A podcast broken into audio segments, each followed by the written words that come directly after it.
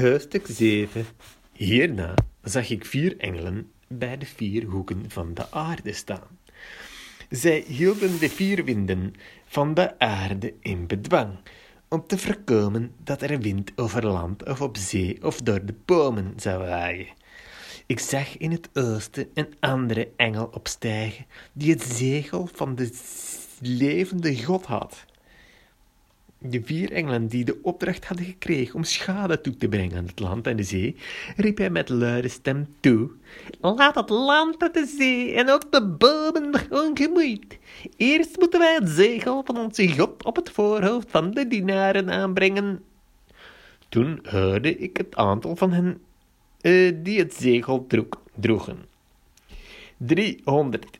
Drie. Honderdvierenveertigduizend in totaal, afkomstig uit elke stam van Israël. 12.000 uit de stam Juda, die het zegel droegen.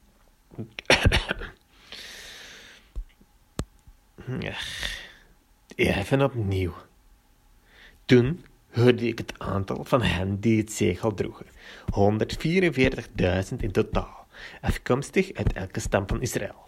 12.000 uit de stam Juda, die het zegel droegen, 12.000 uit de stam Ruben, 12.000 uit de stam Gad, 12.000 uit de stam Azer, 12.000 uit de stam Naphtali, 12.000 uit de stam Manas, 12.000 uit de stam Simeon, 12.000 uit de stam Levi, 12.000 uit de stam Issachar, 12.000 uit de stam Zebul, 12.000 uit de stam Jozef en tenslotte 12.000 uit de stam Benjamin die het zegel droegen.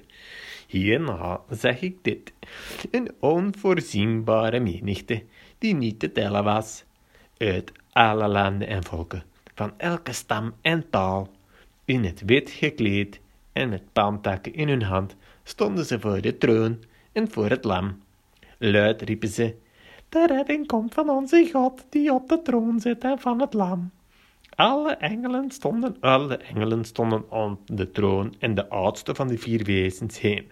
Ze bogen zich diep neer voor de troon en aanbaden God met de woorden: Amen, lof, majesteit en wijsheid, dank en eer en macht en kracht komen onze God toe tot aan de eeuwigheid. Amen.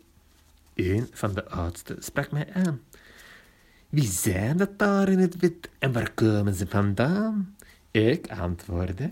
U weet het zelf, heer. Hij zei tegen me, dat zijn degenen die uit de grote verschrikkingen gekomen zijn.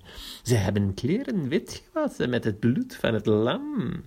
Daarom staan ze voor Gods troon en zijn ze dag en nacht in zijn tempel om hem te vereren. En hij die op de troon zit, zal bij hen wonen. Dan zullen ze geen honger meer lijden en geen dorst. De zon zal hen niet meer steken, de hitte zal hen niet bevangen. Maar het lam midden voor de troon zal hen hoeden, hen naar de waterbronnen van het leven brengen. En God zal alle tranen uit hun ogen wissen.